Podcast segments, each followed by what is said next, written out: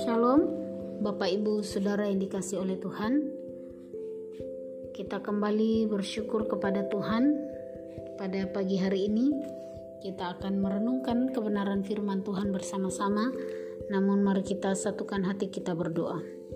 Bapa di surga, kami mengucap syukur untuk kebaikan kemurahan Tuhan dalam kehidupan kami. Pada pagi hari ini Tuhan kami mau kembali bersama-sama merenungkan kebenaran firman-Mu. Roh Kudus terangi hati dan pikiran kami, berbicaralah kepada kami melalui kebenaran firman-Mu Tuhan, karena kami percaya bahwa firman-Mu menjadi kekuatan bagi kami untuk menjalani hari-hari kami di tengah-tengah situasi keadaan yang sulit yang kadang kami alami Tuhan. Kiranya firman-Mu yang menguatkan kami, firman-Mu yang menopang kami, firman-Mu yang senantiasa hidup dalam kehidupan kami. Terima kasih Tuhan. Kami mengucap syukur di dalam nama Tuhan Yesus. Haleluya. Amin. Bapak Ibu Saudara yang dikasih oleh Tuhan, pada pagi hari ini kita akan belajar bersama-sama dari kitab uh, Mazmur pasal 123 ayat 1 sampai ayat yang keempat saya akan membacakan bagi kita. Perikopnya tentang berharap kepada anugerah Tuhan. Nyanyian ziarah. Kepadamu aku melayangkan mataku. Ya, engkau yang bersemayam di surga. Lihat, seperti mata para hamba laki-laki memandang kepada tangan tuannya, seperti mata hamba perempuan memandang kepada tangan nyonyanya. Demikianlah mata kita memandang kepada Tuhan Allah kita sampai Ia mengasihani kita. Kasihanilah kami ya Tuhan, kasihanilah kami sebab kami sudah cukup kenyang dengan penghinaan. Jiwa kami sudah cukup kenyang dengan olok-olok orang-orang yang merasa aman, dengan penghinaan orang-orang yang sombong. Bapak, ibu, saudara yang dikasihi oleh Tuhan,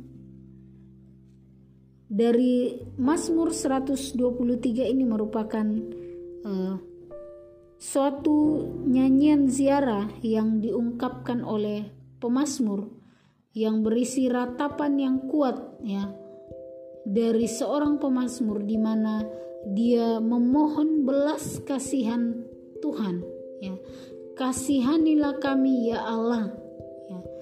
di sini pemazmur sedang menggambarkan di dalam ayat 3 sampai 4 pemazmur sedang menggambarkan keadaan yang dia alami dia mengatakan bahwa kami sudah cukup kenyang dengan penghinaan. Jiwa kami sudah cukup kenang, kenyang dengan olok-olok orang yang merasa aman, dengan penghinaan orang-orang sombong. Nah, di dalam hal ini pemazmur sedang menggambarkan situasi atau tekanan yang sedang dia alami ketika dia mengalami penghinaan.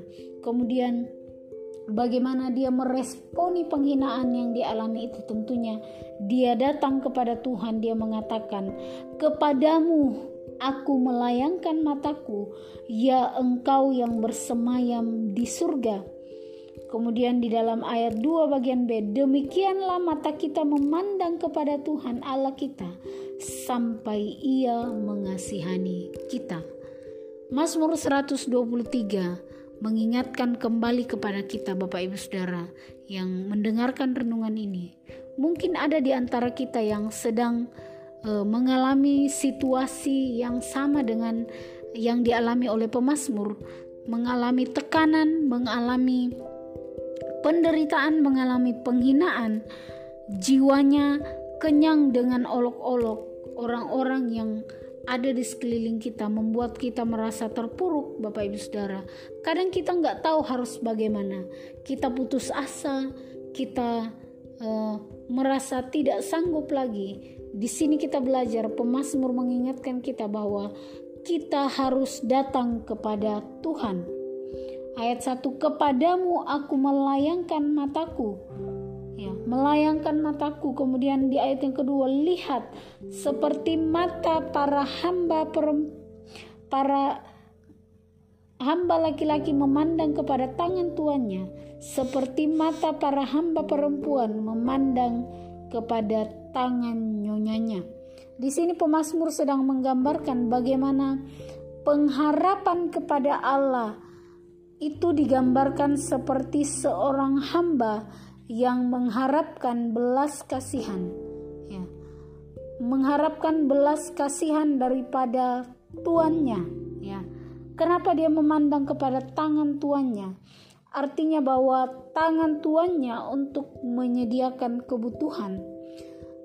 Karena tangan tuannya lah yang akan memberikan dia pertolongan. Dari tangan tuannya akan datang pertolongan, perlindungan. Dari tangan tuannya akan datang pertolongan itu, sehingga dikatakan bahwa demikianlah mata kita memandang kepada Tuhan Allah kita sampai Ia mengasihani kita. Yang harus kita lakukan waktu kita mengalami tekanan adalah mari kita belajar seperti pemazmur. Kita memandang kepada Tuhan sampai anugerah Tuhan itu dinyatakan dalam kehidupan kita. Kita memandang kepada Tuhan sampai pertolongan Tuhan itu datang kepada kita.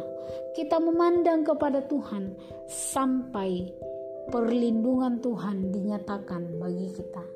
Mari kita memandang kepada Tuhan sampai keadilan Tuhan dinyatakan bagi kita. Tidak ada lagi tempat terbaik, Bapak Ibu Saudara, yang bisa kita datangi ketika kita mengalami situasi sulit selain hanya kepada Tuhan. Mari Bapak Ibu Saudara, saya mengingatkan kembali kepada kita untuk datang kepada Tuhan Kadang-kadang kita memutuskan untuk memendam situasi kita sendiri oleh karena apa? Kita takut waktu kita diceritakan pergumulan kita kepada orang lain. Kita bukan mendapatkan kekuatan baru, malah mungkin kita dijatuhkan, semakin dijatuhkan membuat kita akan semakin terpuruk. Tapi datanglah kepada Tuhan, karena Dia adalah sumber kekuatan kita. Dialah sumber kedamaian itu. Dialah sumber pertolongan kita. Kiranya Tuhan Yesus memberkati kita. Mari kita berdoa.